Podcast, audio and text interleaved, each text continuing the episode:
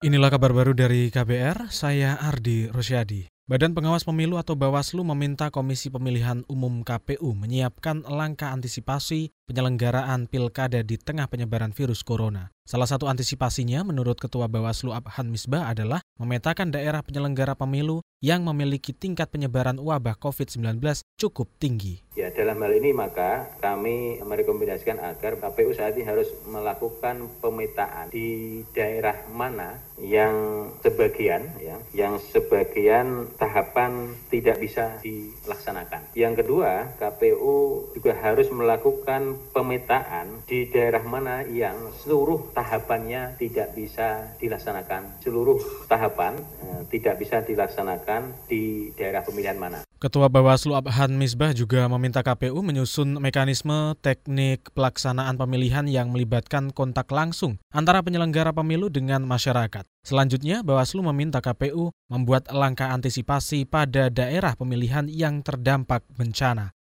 Informasi selanjutnya, Badan Nasional Penanggulangan Bencana BNPB memperpanjang status darurat bencana virus corona atau COVID-19 dari 29 Februari hingga 29 Mei 2020. Juru bicara BNPB Agus Wibowo menyebut perpanjangan dilakukan karena belum ada daerah yang menetapkan status keadaan darurat COVID-19.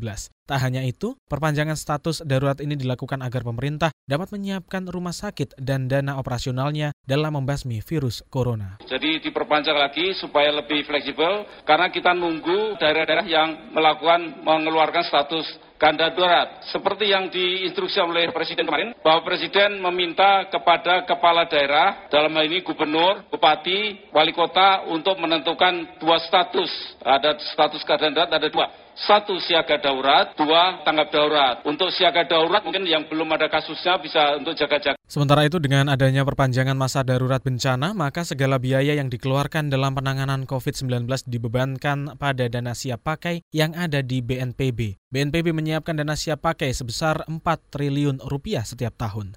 Informasi dari Papua, pemerintah Kabupaten Biak Numfor, Papua menetapkan status siaga darurat COVID-19 di wilayah itu. Bupati Biak Numfor, Hari Aryo Naap mengatakan status siaga ditetapkan karena Biak Numfor merupakan salah satu wilayah di Papua yang memiliki pelabuhan dan bandara transit, sehingga dimungkinkan terdapat orang terpapar corona yang masuk ke wilayah itu tanpa terdeteksi. Dengan melihat kondisi yang terjadi saat ini di Kabupaten Biak Numfor, maka saya selaku Bupati Bupati Biak Numfor akan menyampaikan pernyataan Bupati tentang penetapan status daerah terkait coronavirus distiasis atau COVID-19 yang terjadi saat ini di Kabupaten Biak Numfor. Bupati Biak Numfor menetapkan Kabupaten Biak Numfor Provinsi Papua saat ini masuk dalam status siaga darurat. Sementara itu, Bupati Biak Numfor Heri Aryonaap menyebut saat ini ada salah satu warga yang diduga terpapar COVID-19 karena menderita demam, batuk, dan sesak nafas. Warga itu kini dirawat di ruang isolasi RSUD dan berstatus pasien dalam pemantauan atau PDP. Warga ini memiliki riwayat perjalanan dari Bandung, Jawa Barat ke Biak Numfor melalui Jakarta.